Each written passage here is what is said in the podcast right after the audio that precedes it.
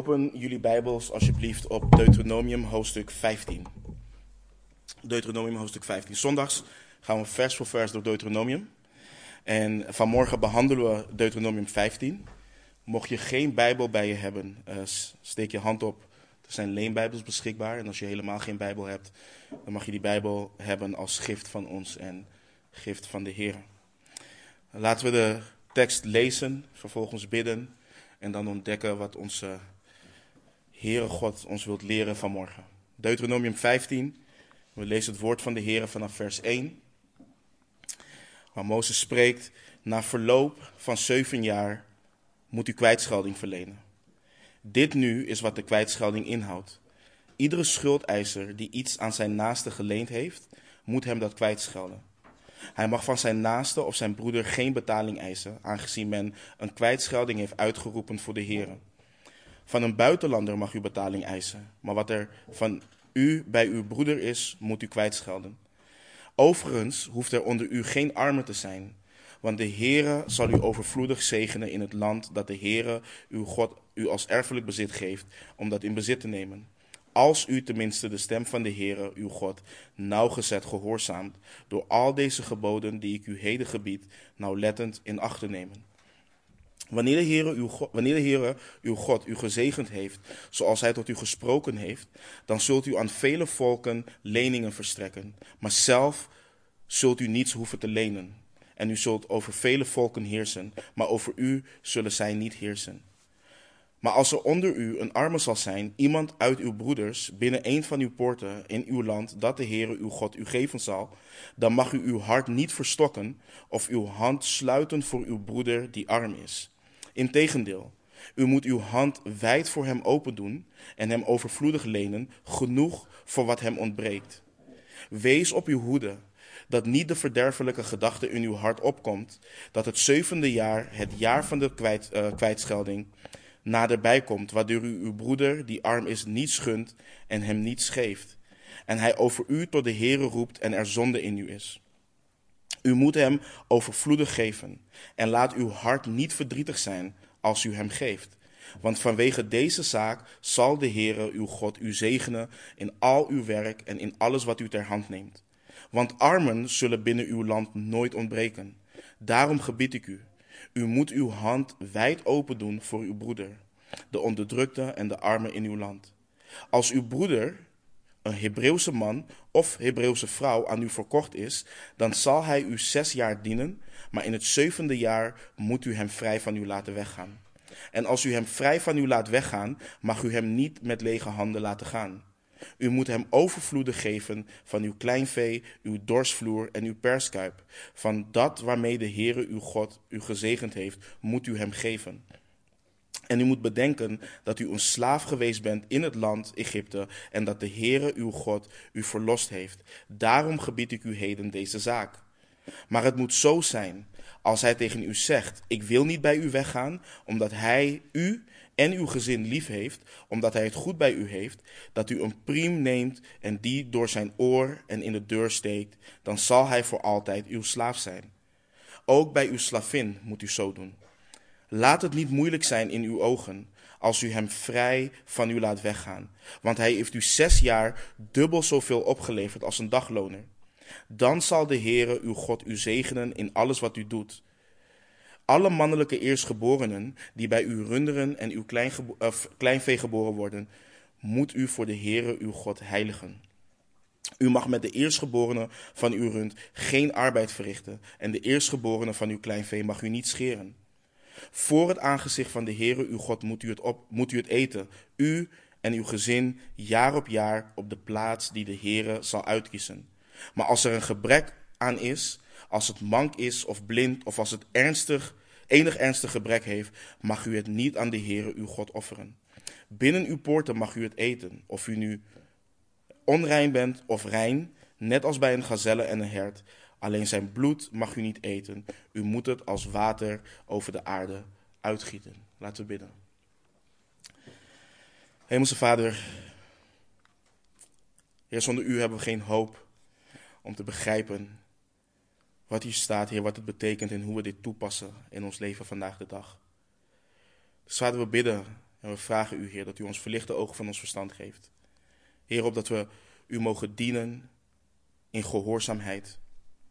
Opdat we elkaar mogen dienen in gehoorzaamheid. Tot eer, tot lof en glorie van uw heilige naam. In Jezus' naam bidden we. Amen. Vorige week heeft Sergio uh, Deuteronomium hoofdstuk 14 behandeld. En uh, hij heeft het gehad over de noodzaak van het leiden van een heilig leven. We zien dat heel veel van deze wetten gegeven zijn, omdat God heilig is en Israël een heilig volk voor de Heere God is.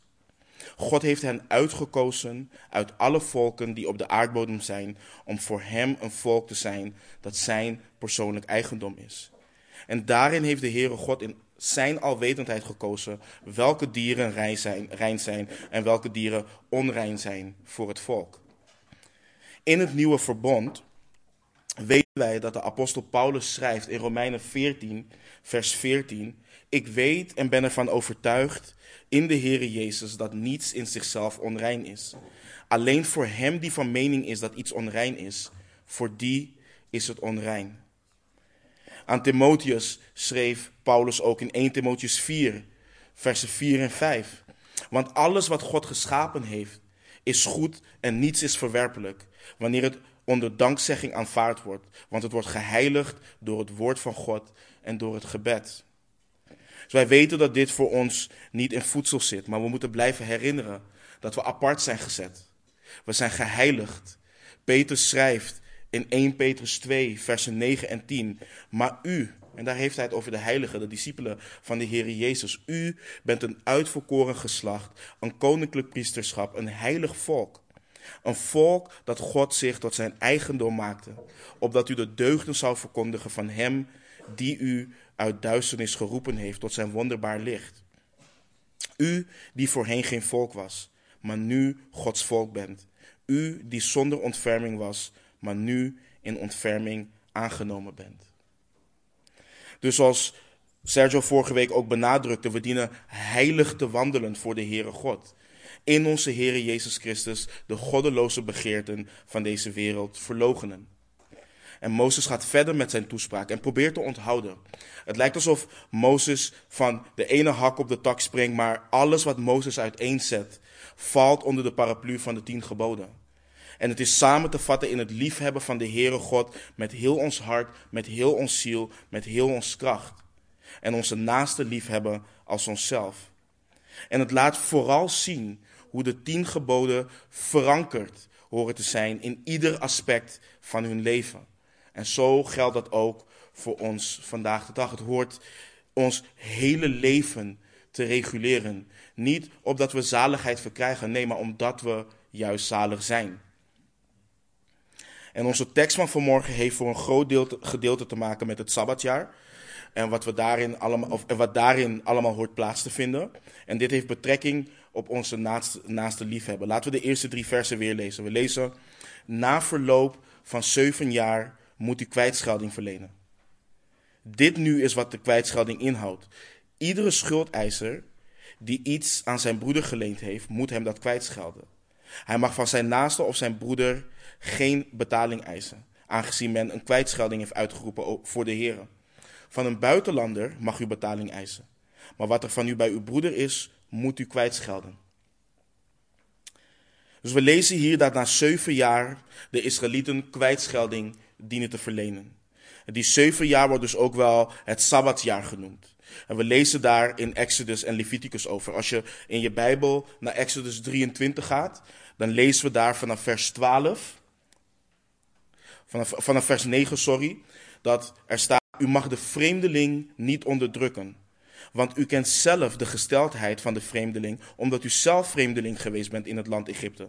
U mag zes jaar uw land bezaaien en de opbrengst ervan verzamelen.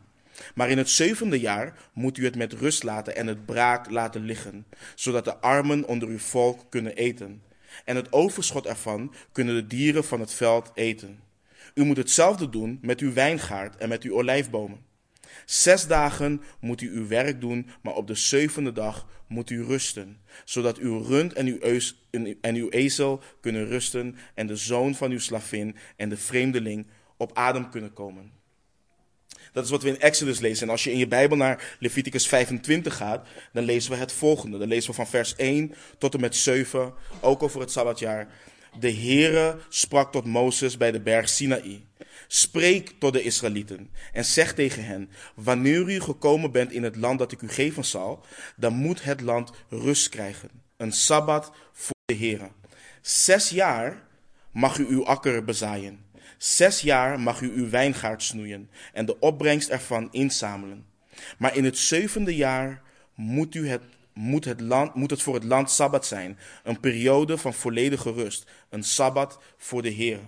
U mag, uw akker mag u niet bezaaien en uw wijngaard mag u niet snoeien. Wat er na uw laatste oogst, nog opkomt, mag u niet oogsten en de druiven van uw ongesnoeide wijnstok mag u niet plukken. Het is een jaar van volkomen rust voor het land. De opbrengst van de sabbat van het land zal voor, u voed, zal voor u als voedsel dienen. Voor u en uw slaaf en uw slavin, uw dagloner en uw bijwoner, die bij u als vreemdeling verblijven. Ook voor uw vee en voor de wilde dieren die in uw land leven, mag heel de opbrengst ervan als voedsel dienen. Dus we zien hier in zowel Exodus 23 als in Leviticus 25 dat het gaat om het land. En dat we hier in Deuteronomium 15 lezen dat in het Sabbatsjaar ook een kwijtschelding moet plaatsvinden van schulden. En er is nogal wat debat over of het een totale kwijtschelding was van de schuld. Of dat er in het zevende jaar gewoon niets geïnd mocht worden of geëist mocht worden.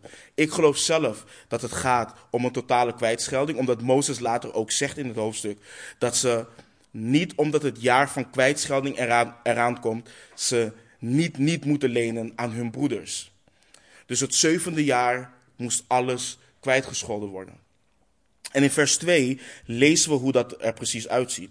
Iedere schuldeiser die iets aan zijn naaste geleend heeft, moet hem dat kwijtschelden. Hij mag van zijn naaste of zijn broeder geen betaling eisen, aangezien men een kwijtschelding heeft uitgeroepen voor de Heer.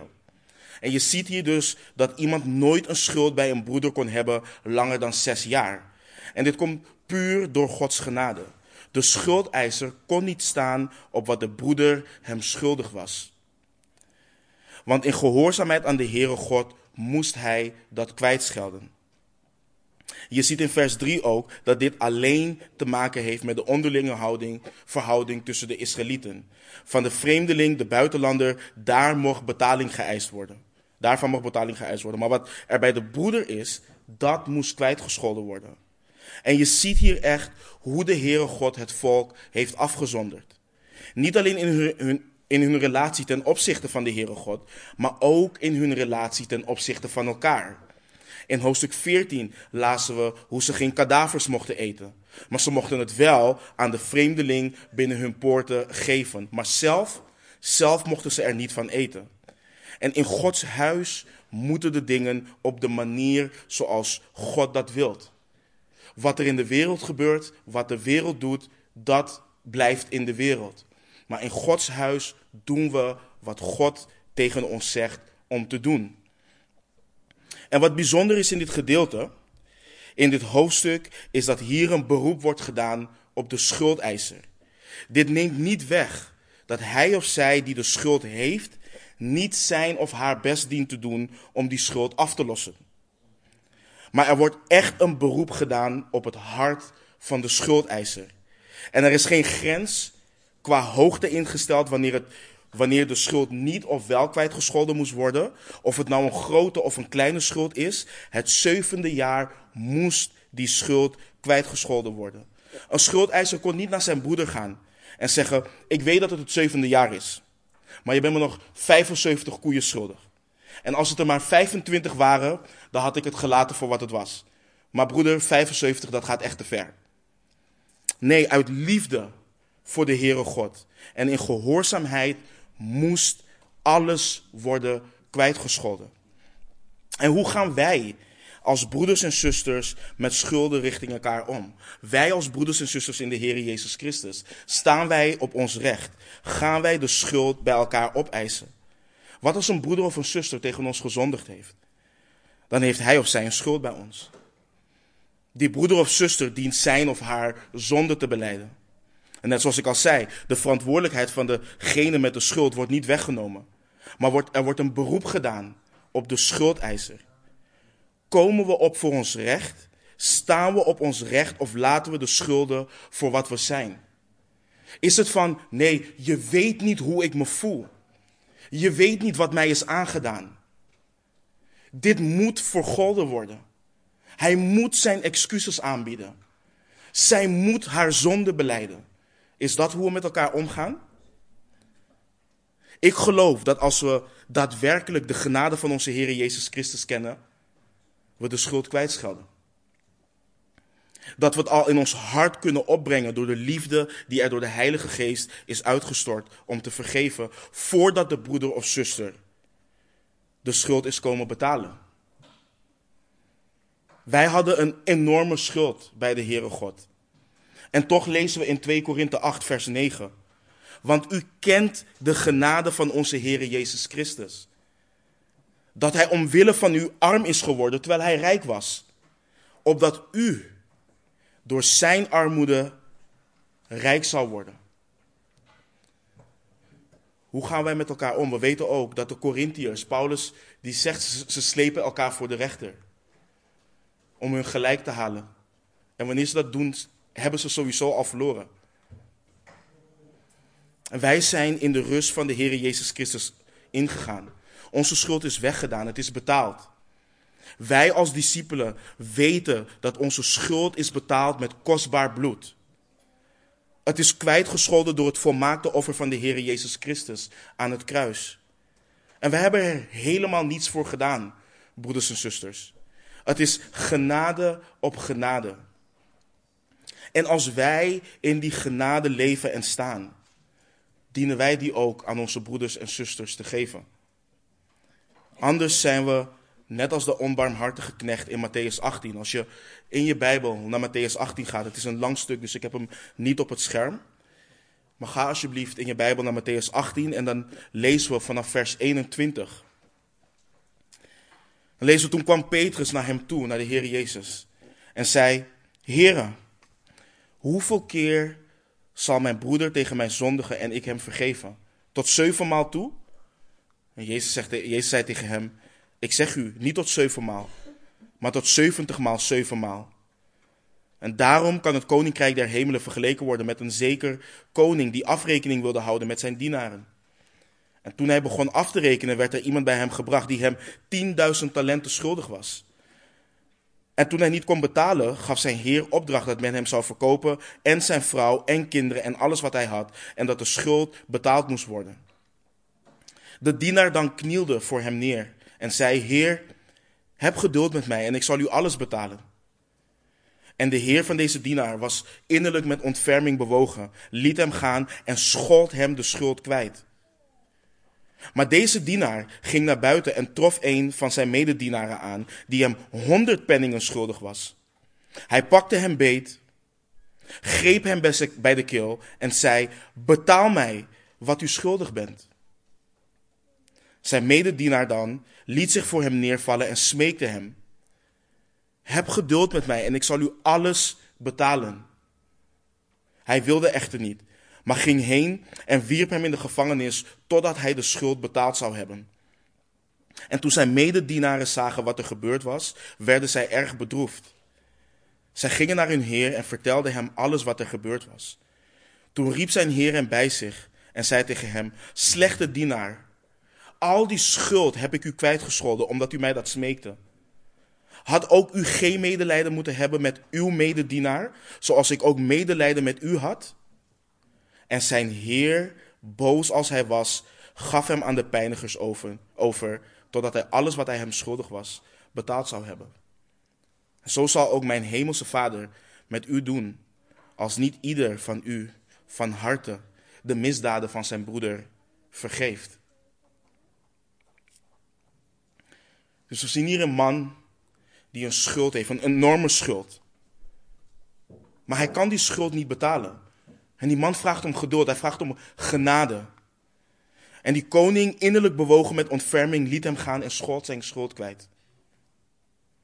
En broeders en zusters, onze zonde, onze schuld van gisteren, van vandaag en van morgen Daar is voor betaald. En we zondigen iedere dag. En we naderen in nederigheid tot de troon der genade. In nederigheid, maar toch met vrijmoedigheid. Omdat we in de naam van onze zaligmaker tot de troon naderen. Met het vertrouwen dat wanneer we onze zonde beleiden aan de heilige God, Hij getrouw en rechtvaardig is. Om onze zonde te vergeven en ons te reinigen van alle ongerechtigheid.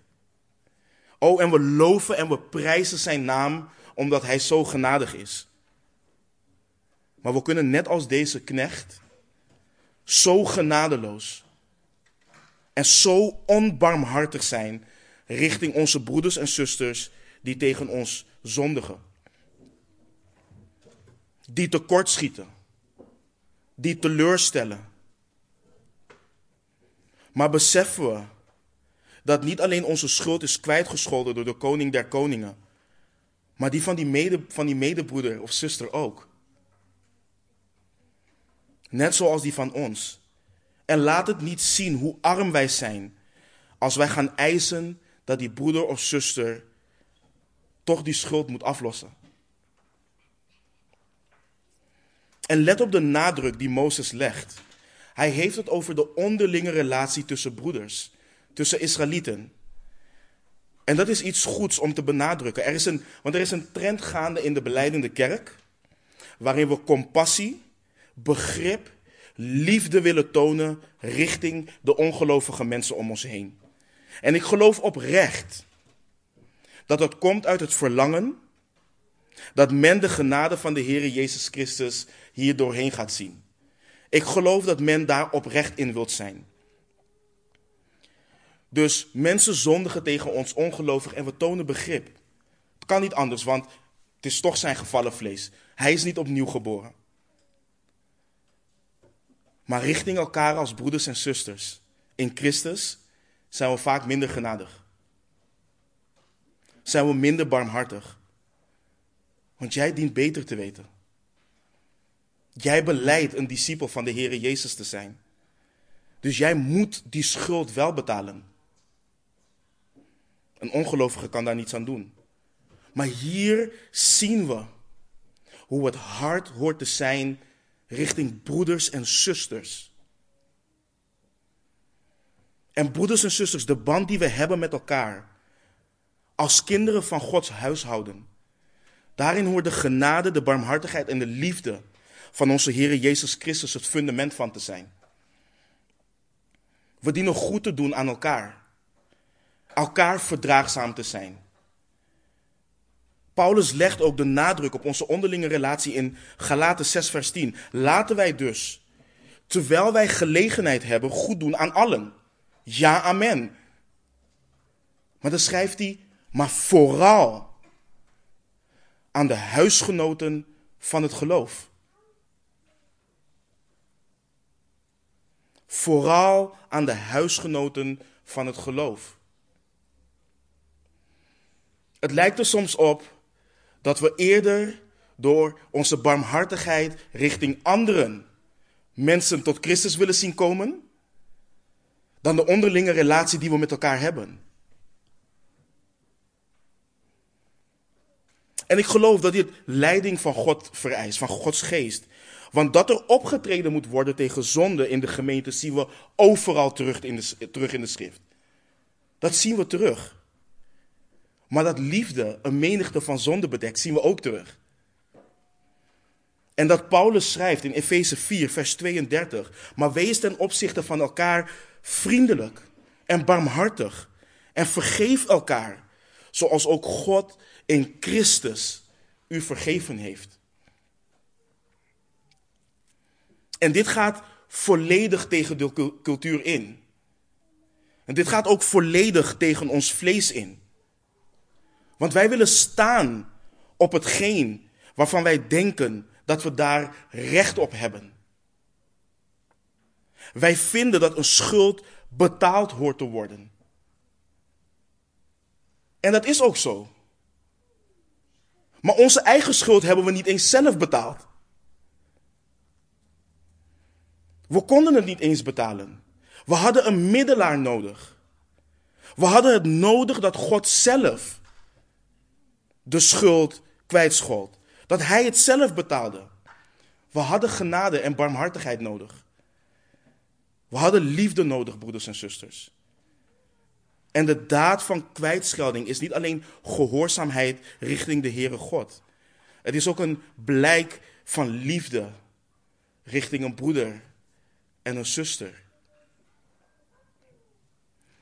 De apostel Johannes schreef in 1 Johannes 2, vers 6. Wie zegt in hem te blijven, moet ook zelf zo wandelen als hij gewandeld heeft. En we citeren dat allemaal. Maar we moeten ervoor waken dat we niet de kant overbelichten dat de Heer Jezus de Fariseeën en Sadduceeën terechtwees. En vergeten dat hij ook continu genade en barmhartigheid schonk aan zondaren. Hij was onverdiend goed voor hen. En ook voor ons. En dat is hoe wij ook dienen te wandelen. Zoals de Heer Jezus zei in Johannes 13, vers 34 en 35. Een nieuw gebod geef ik u. Namelijk dat u elkaar lief hebt. Zoals ik u lief gehad heb, moet u ook elkaar lief hebben. Hierdoor zullen allen inzien dat u mijn discipelen bent, als u liefde onder elkaar hebt. Onze onderlinge relatie dient gebouwd te zijn op het evangelie van onze Heer Jezus Christus. Dat wij een schuld kwijtschelden is niet omdat het moreel gezien goed is om te doen. Want ook ongelovigen vergeven elkaar. Maar we doen dat omdat wij zelf die diepe noden hadden van vergeving en dat hebben ervaren in en door onze Heer Jezus Christus. Dat is waarom we dat doen.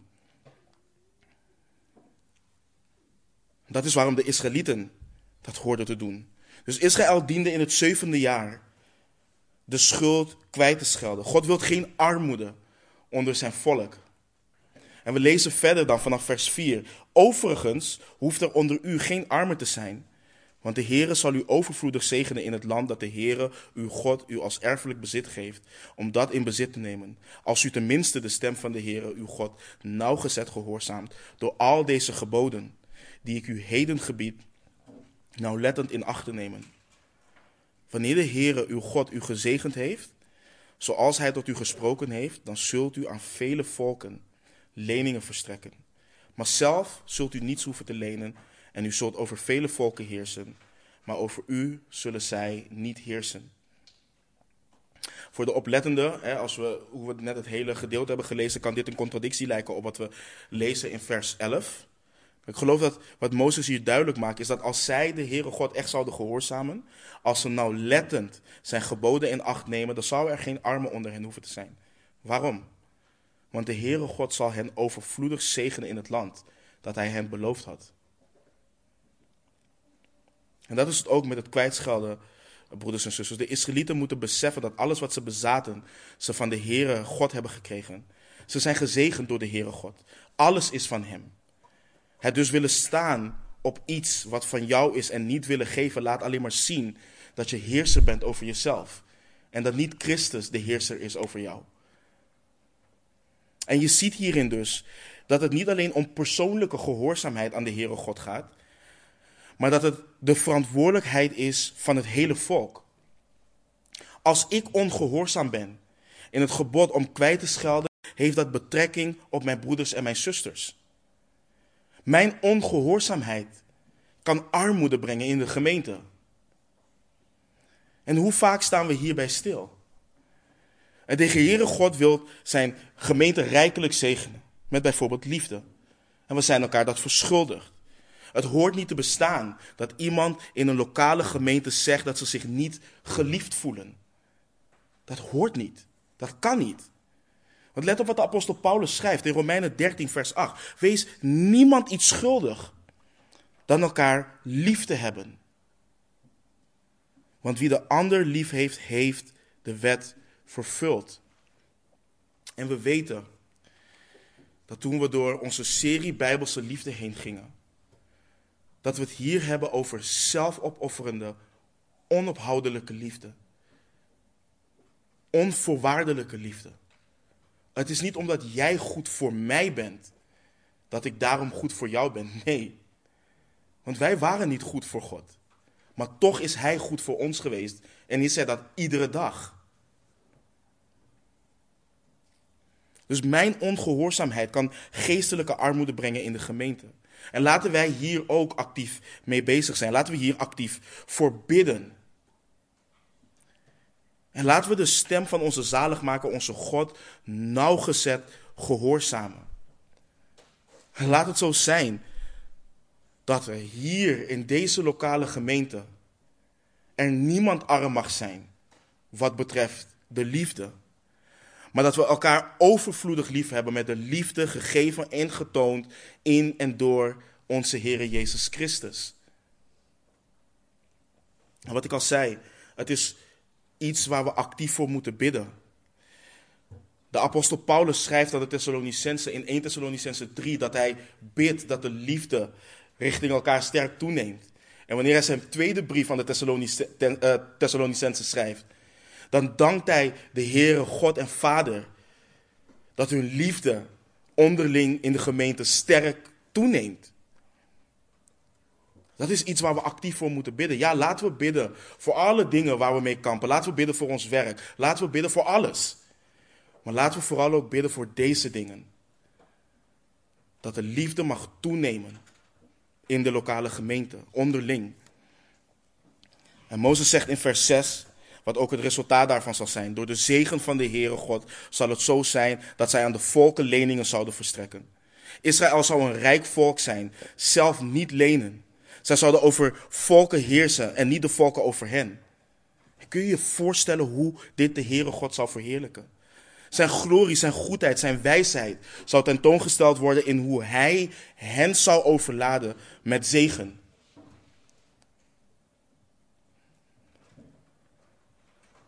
En hoe zou het zijn dat wat de Heer Jezus ook zei in de zaligsprekingen, dat door onze goede werken, dat door het licht wat door ons heen schijnt, dat de mensen om ons heen de Vader zal verheerlijken. Kan je niet zeggen hoe vaak mensen dan mensen vragen van, oké, maar weet je, ik, ik, ik ben het niet volledig eens met wat er staat in jullie Bijbel. Maar één ding kan ik niet ontkennen. Het is de saamhorigheid wat er bij jullie heerst. De liefde die ik bij jullie zie. Hoe jullie met elkaars kinderen omgaan. Wat, wat is dat toch? Hoe komt dat? Het komt van hetgeen waar je het niet mee eens bent. Het komt door onze Heer Jezus Christus. En broeders en zusters, als wij wandelen in heiligheid, als wij wandelen in gehoorzaamheid, dan kan het niet, dan kan het niet anders zijn dan dat de wereld die in puinhoop leeft en ziet dat de vrede van God hier heerst, moet komen en zeggen: hoe kan dat?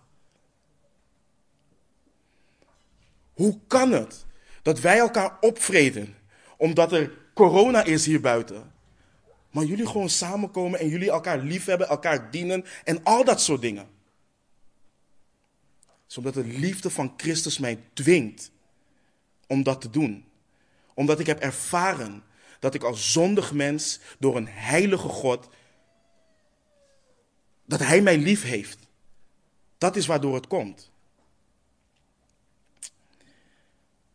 Dus laten wij daarin een voorbeeld zijn en de stem van onze Heere God nauwgezet gehoorzamen. En Mozes gaat verder vanaf vers 7. Dan zegt hij: Maar als er onder u een arme zal zijn, iemand uit uw broeders, binnen een van uw poorten, in uw land, dat de Heere uw God u geven zal, dan mag u uw hart niet verstokken of uw hand sluiten voor uw broeder die arm is. Integendeel, u moet uw hand wijd voor hem open doen en hem overvloedig lenen, genoeg voor wat hem ontbreekt.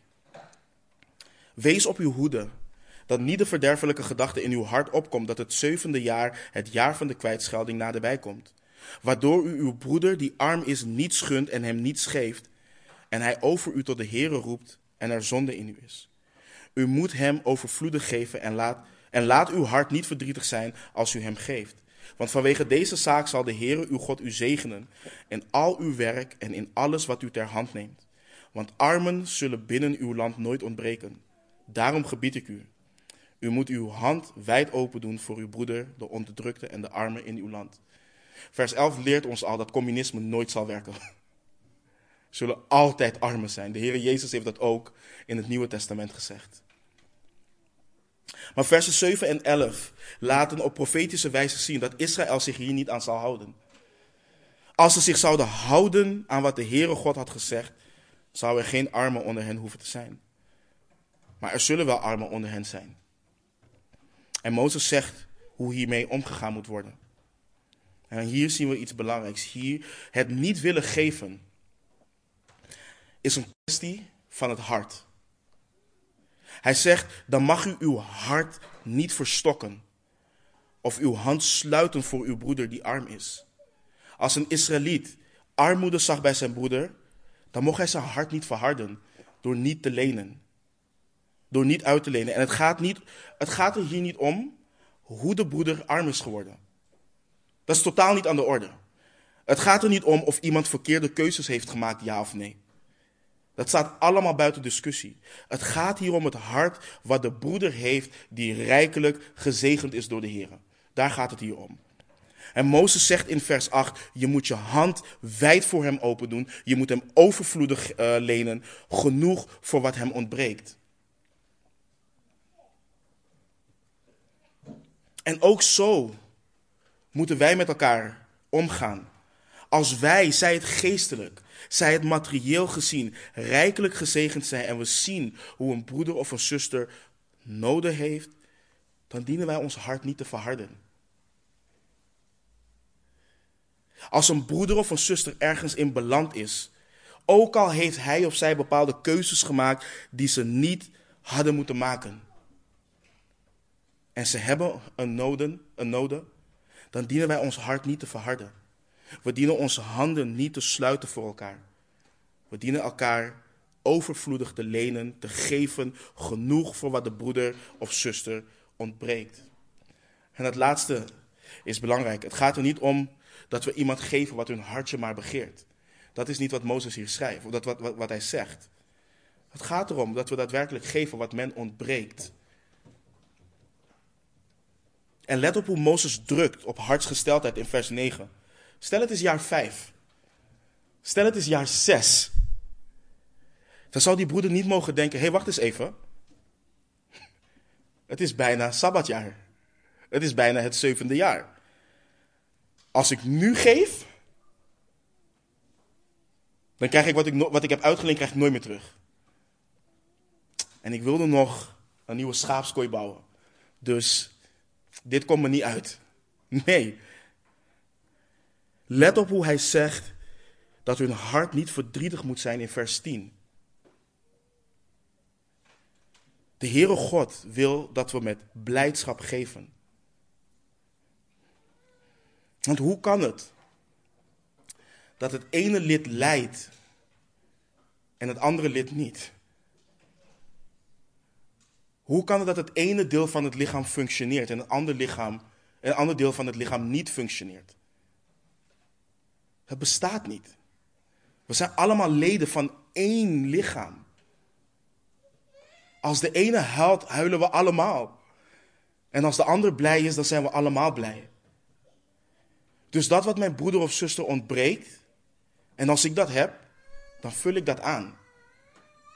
Zij het geestelijk, zij het materieel, maar ik doe dat met een, een blijmoedig hart. Daarom schrijft Paulus ook in 2 Korinthe 9, vers 7.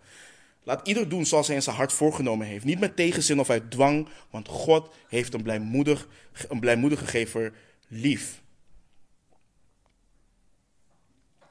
Er is geen argument om niet te geven. Als we argumenten hebben om niet te geven, dan laten we alleen maar zien hoe zondig ons hart is. Hoe hebzuchtig we zijn. Hoe verhard ons hart is. En hoe het ons ontbreekt aan genade en liefde jegens onze broeders en zusters. Zij het geestelijk gezien of materieel. Johannes heeft het hier ook over in 1 Johannes 3, vers 17. Wie dan de goederen van de wereld heeft en zijn broeder gebrek ziet lijden, maar zijn hart voor hem toesluit, hoe? Hoe kan de liefde van God in hem blijven? Je ziet dus hoe onze liefde voor God onlosmakelijk verbonden is aan de liefde voor onze naasten. Als we daadwerkelijk overspoeld zijn met Gods liefde, dan zullen wij onze broeders en zusters die mede-erfgenamen zijn van Gods genade ook overspoelen met hetgeen wat hen ontbreekt. In de eerste kerk zag je ook hoe dit tot uiting kwam in Handelingen 2, vers 44 en 45. En allen die geloofden waren bijeen en hadden alle dingen gemeenschappelijk. En zij verkochten hun bezittingen en eigendommen en verdeelden die onder allen. Nou, nadat ieder nodig had. En als je twee hoofdstukken verderop gaat, in Handelingen 4 vanaf vers 32, en de menigte van hen die geloofden was één van hart en één van ziel. En niemand zei dat iets van wat hij bezat van hemzelf was, maar alles hadden zij gemeenschappelijk. En de apostelen legden met grote kracht getuigenis af van de opstanding van de Heere Jezus. En er was grote genade over hen allen. Want er was ook niemand onder hen die gebrek leed. Want allen die landerijen of huizen bezaten, verkochten die en brachten de opbrengst van het verkochte en legden die aan de voeten van de apostelen. En aan ieder werd uitgedeeld nadat men nodig had. Vooropgesteld, zeg het weer ook, dat heb ik ook tijdens onze serie door handelingen heen gezegd. Dit, is niet, dit was geen vorm van communisme. De apostelen hebben niet opgelegd. hey, verkoop al je spullen zodat het niemand aan iets ontbreekt. We weten in het verslag van Ananias en Safira dat Petrus ook zegt: luister, als je het niet wilde verkopen, dan was het gewoon van jou geweest. En als je het had verkocht en het geld niet wilde geven, dan was het ook van jou geweest. Dus dat, dat is de issue niet. Maar je ziet hier deze discipelen hebben een enorme liefde voor elkaar. En ze erkennen en weten ook dat ze de spullen die zij bezitten, dat het niet van hen is. Iedere discipel weet of hoort dat te weten. Dat ze slechts rentmeesters zijn van hetgeen wat ze hebben. Het is God die alles bezit. Het is God die alles geeft. En het was ongetwijfeld de geest van God die dit ook bewerkstelligde in de apostel Paulus en de heidense kerken. Want toen er armoede in Jeruzalem op een gegeven moment was, ging Paulus langs de kerken en de giften ophalen die de gemeente hadden voor de arme discipelen in Jeruzalem. Wanneer het hart vol is van de Here, dan hoort het ook zo te zijn dat we ontferming in ons hart hebben over onze broeders en onze zusters. En nu zal de een misschien zeggen, ja, maar je hebt God toch niet nodig om goed te doen? Als je God nodig hebt om goed te doen aan armen, dan is het wel heel erg gesteld met je, zeggen ze dan. Doe gewoon wat je hart je ingeeft. En ik kijk om me heen en ik zie dat de wereld niets anders doet dan doen wat hun hart hun ingeeft. Maar de wereld wil niet erkennen dat het hart een probleem heeft dat het hart het probleem is. En God weet dat. En de Heere God weet hoe egoïstisch wij zijn. We geven Hem, de schepper van hemel en aarde, onze schepper, al niet wat Hem toekomt. En laat staan de mensen om ons heen die we kunnen zien. We hebben de openbaring van de Heere God nodig om te weten wat goed is en om te doen wat goed is. We hebben zijn geest nodig om de dingen die hij heeft geboden te doen naar zijn welbehagen. Ik hoorde een voorganger ooit zeggen dat iemand hem vroeg: Ja, maar je hebt God toch niet nodig om X, Y, Z te doen? Hij zei: Vriend, hoe langer je in de Here bent, ga je beseffen dat je God zelf nodig hebt om je veters te strikken. Zo hard hebben wij God nodig. Maar ons hart is zo hoogmoedig dat we niet eens beseffen dat we God nodig hebben. Want alles wat goed is noemen we kwaad. En alles wat kwaad is noemen we goed.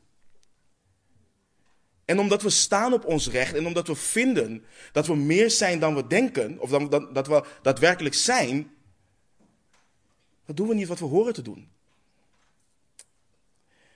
Jullie weten, ik ben niet van de wereldse illustraties en al dat soort dingen. Maar volgens mij is het niemand hier ontgaan wat er een paar weken geleden met de Oscars is gebeurd. Of tijdens de Oscars, en voor de mensen die dat niet weten, hoeft ook niet. Maar wat het punt is, ik zag, ik zag iemand die beleidt in de Heer Jezus te geloven onder een artikel zetten dat wat er gebeurd is, dat dat goed was. Omdat hij simpelweg opkwam voor zijn vrouw. En dat hij goed heeft gehandeld door die persoon een map te verkopen.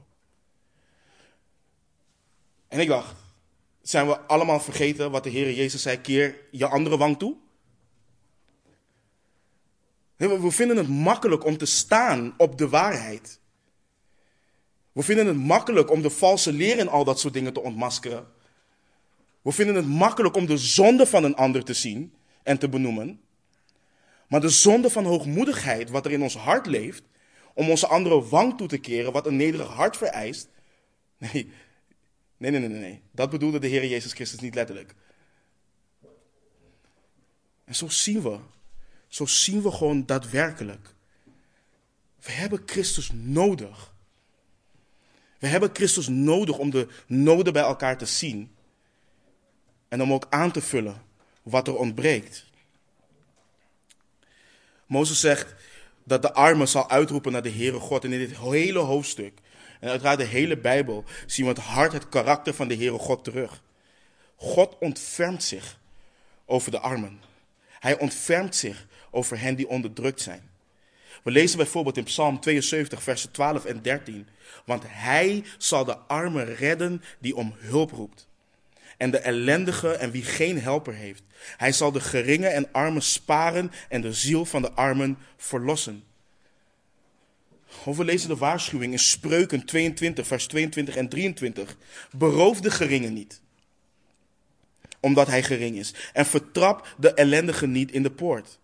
Want de Heere zal hun rechtszaak voeren. Wie hem beroven, zal hij van het leven beroven. En broeders en zusters, niemand wint een rechtszaak van de Heer.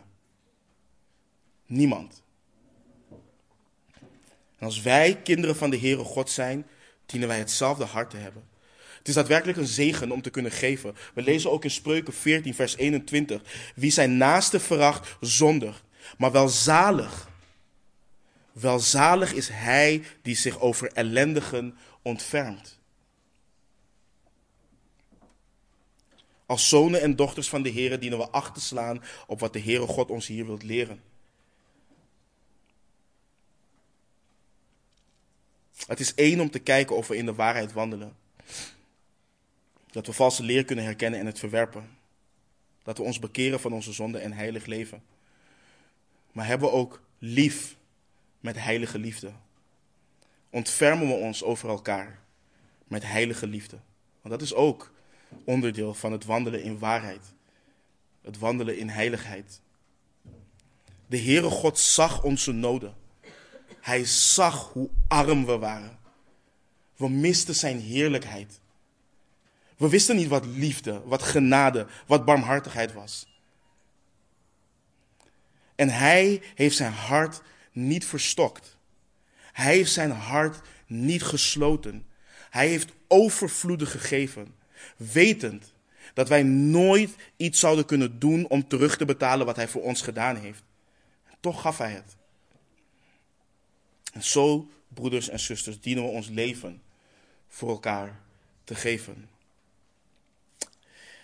Vers 12 tot en met 18.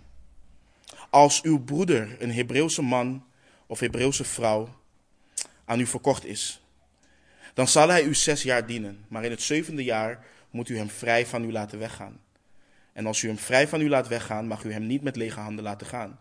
U moet hem overvloedig geven van uw kleinvee, uw dorsvloer en uw perskuip.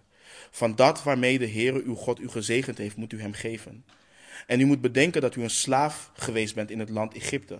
En dat de Heere uw God u verlost heeft. Daarom gebied ik u heden deze zaak. Maar het moet zo zijn, als hij tegen u zegt: Ik wil niet bij u weggaan, omdat hij u en uw gezin lief heeft omdat hij het goed bij u heeft, dat u een priem neemt en die door zijn oor en in de deur steekt. Dan zal hij voor altijd uw slaaf zijn. Ook bij uw slavin moet u zo doen. Laat het niet moeilijk zijn in uw ogen als u hem vrij van u laat weggaan. Want hij heeft u zes jaar dubbel zoveel opgeleverd als een dagloner. Dan zal de Heere uw God u zegenen in alles wat u doet. Voor de mensen die wel eens te maken hebben met, met mensen die zeggen dat ze niet in de Bijbel kunnen geloven, dat ze niet in God kunnen geloven, want de Bijbel keurt slavernij goed en al dat soort dingen en het historie en noem maar op. We zien hier dat dit niet de slavernij is waar de geschiedenis wat de geschiedenis ons leert. Zien hier daadwerkelijk dat hij zegt, omdat hij het bij u goed heeft. En we weten hoe de Heere God van ons vraagt en van, van hen eiste dat zij voor hun dienstknechten moesten zijn. Dus dat is geen argument en laat je ook niet meeslepen in dat argument. Het laat alleen maar zien dat het hart voor hart is en dat men zich überhaupt niet aan de Heere God wil onderschikken. Maar dat, dat even terzijde. Maar neem dat mee als je in gesprek bent met mensen. Nu schetst Mozes een situatie van iemand die zijn schuld niet kan betalen en zichzelf verkoopt als slaaf aan de schuldeiser. Want het kan zomaar zo zijn dat iemand de schuld zo hoog heeft dat de enige manier om die schuld af te betalen is dat ze zichzelf als slaaf verkopen. Maar je ziet hier ook weer dat de slaaf, de schuldeiser, maximaal zes jaar mag dienen. Het zevende jaar moet hij vrijgelaten worden. God wil zijn volk volledig vrij van onderdrukking en armoede hebben. Er mag geen blijvende onderdrukking en armoede zijn onder zijn volk. En als men luistert naar de Heere God, dan gaat het goed met hen. Met hen. Als men God gehoorzaamt, zal het tot een zegen zijn voor hem. En ook hier is het niet relevant hoe iemand in de schulden is beland. Er moet altijd een manier zijn om de schuld af te kunnen lossen. Maar let op wat de Heere God ook gebiedt door Mozes heen.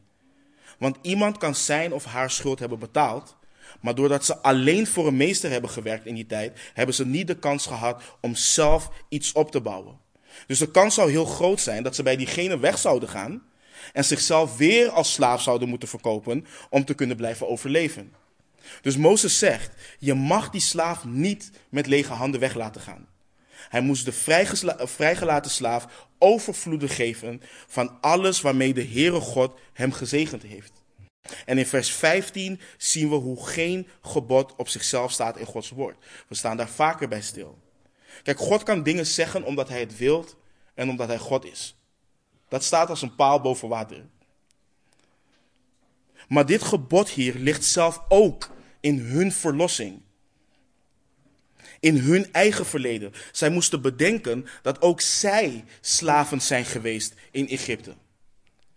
En Israël is niet met lege handen vertrokken uit Egypte. De Heere God heeft hen rijkelijk gezegend en daaraan moesten zij denken wanneer ze hun eigen slaven het zevende jaar vrij zouden laten. En ik zei het net al, kijk, Gods kinderen handelen niet op basis van moraliteit. Oh, laat me dit doen omdat ik het goed acht in mijn eigen ogen. Hoe wij omgaan met onze naasten hoort verankerd te zijn in onze persoonlijke relatie met de Heere God. Israël was slaaf, God heeft hen verlost en hij heeft hen rijkelijk gezegend in hun uittocht. En daaraan dienden zij te denken als het ging om het vrijlaten van hun slaven. En het kon ook zomaar zijn dat de slaaf het zo goed had bij zijn, bij zijn of haar meester en dat hij niet wilde weggaan. Hij zou dan zichzelf voor altijd als slaaf aan zijn meester geven. De meester zou dan een priem nemen en die door zijn oor boren en in de deur steken. En dit teken zou iedereen laten zien. Mijn meester is goed voor mij. Ik ben vrijwillig en voor eeuwig zijn slaaf. En als je dit bedenkt, want we lezen hier ook over in Exodus 21. Maar als je dit bedenkt en stilstaat bij het feit dat de apostel Paulus zich altijd voorstelt als een slaaf van de Heer Jezus Christus. Wij lezen in onze Bijbel dienstknecht. Het woord is gewoon slaaf. We hoeven niet spannend te doen over ons verleden. Het is gewoon slaaf. En, en, en Paulus zegt, ik ben voor eeuwig de slaaf van die goede meester. Voor eeuwig. Ik zal hem voor eeuwig dienen. Met blijdschap. En ook zo zijn wij gemarkeerd voor het leven.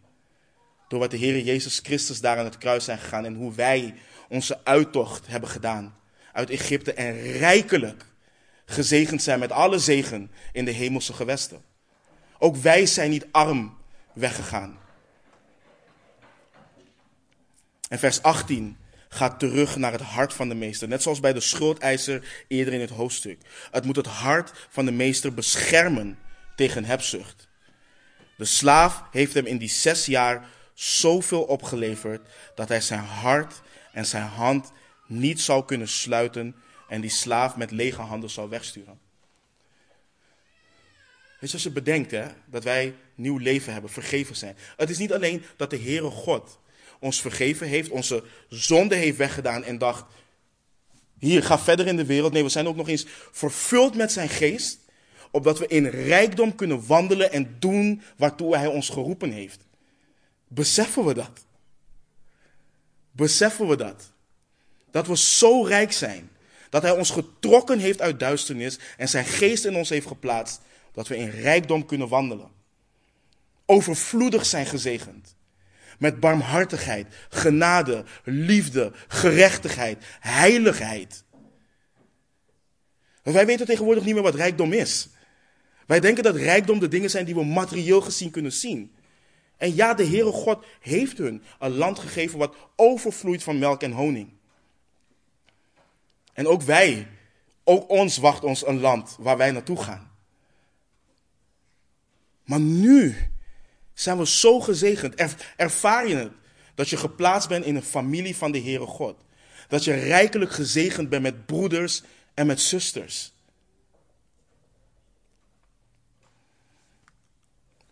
We zijn niet met lege handen uit de slavernij weggegaan. En in vers 19 tot met 23 lezen we. Alle mannelijke eerstgeborenen bij uw runderen en uw klein, um, die bij uw runderen, uw runderen en uw kleinvee geboren worden, moet u voor de Heere uw God heiligen, apart zetten. U mag met de eerstgeborenen van uw rund geen arbeid verrichten en de eerstgeborenen van uw kleinvee mag u niet scheren. Voor het aangezicht van de Heere uw God moet u het eten, u en uw gezin jaar op jaar op de plaats die de Heere zal uitkiezen. Maar als er een gebrek aan is, als het mank is of blind, of als het enig ernstig gebrek heeft, mag u het niet aan de Heere uw God offeren. Binnen uw poorten mag u het eten, of u nu onrein bent of rein, net als bij een gazelle en een hert.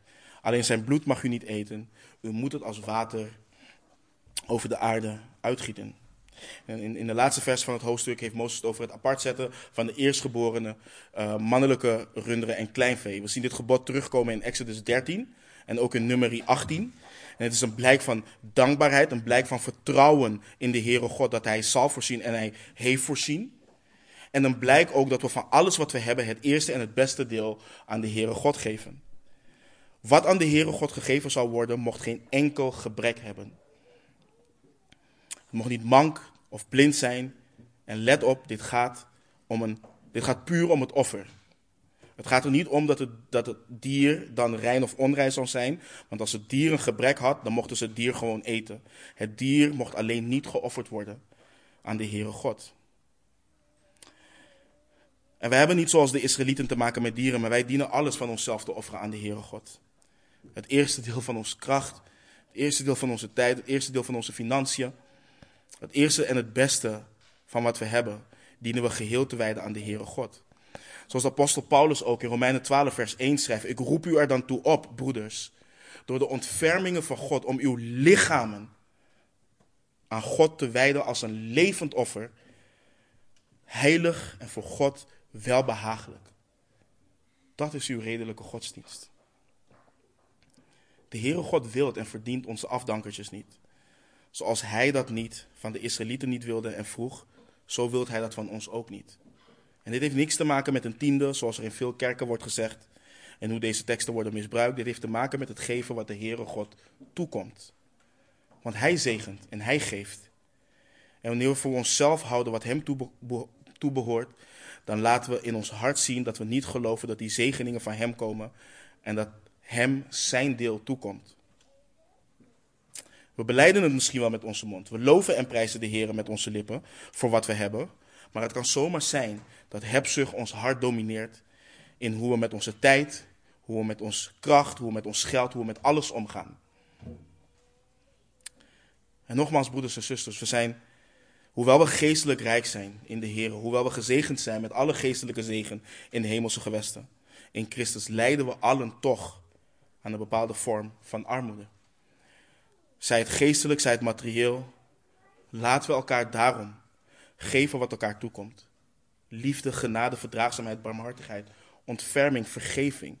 Laten we elkaar dat vrij uitgeven zoals wij dat vrijheid, vrijuit hebben ontvangen door de Heere God. En laten we de Heere God geven wat hem toekomt. Laten we hem geven de heerlijkheid, de eer en de kracht. Laten we het lam dat geslacht is geven rijkdom, wijsheid, sterkte, eer, heerlijkheid en dankzegging. Want het smetteloze lam van God, zonder enig gebrek, is voor ons gestorven, is voor ons geofferd. Eens en voor altijd. En laten we hem dat geven, want hij heeft alle dingen geschapen. En door zijn wil bestaan zij. En zij zijn geschapen. Amen. Laten we bidden.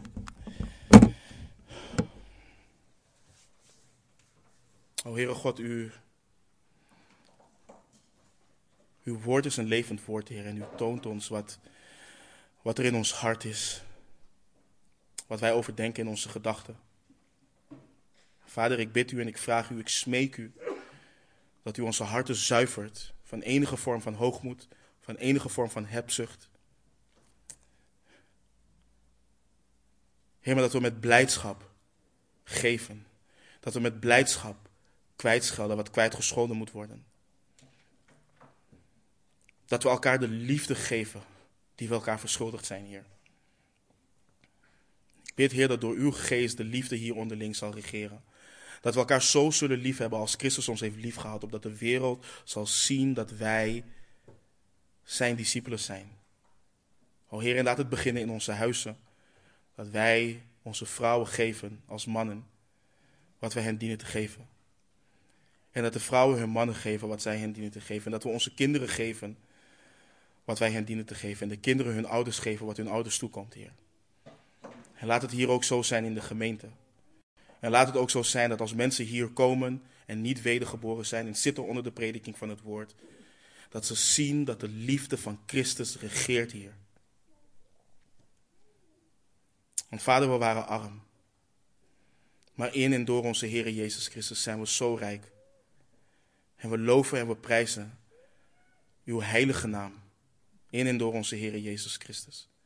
Amen.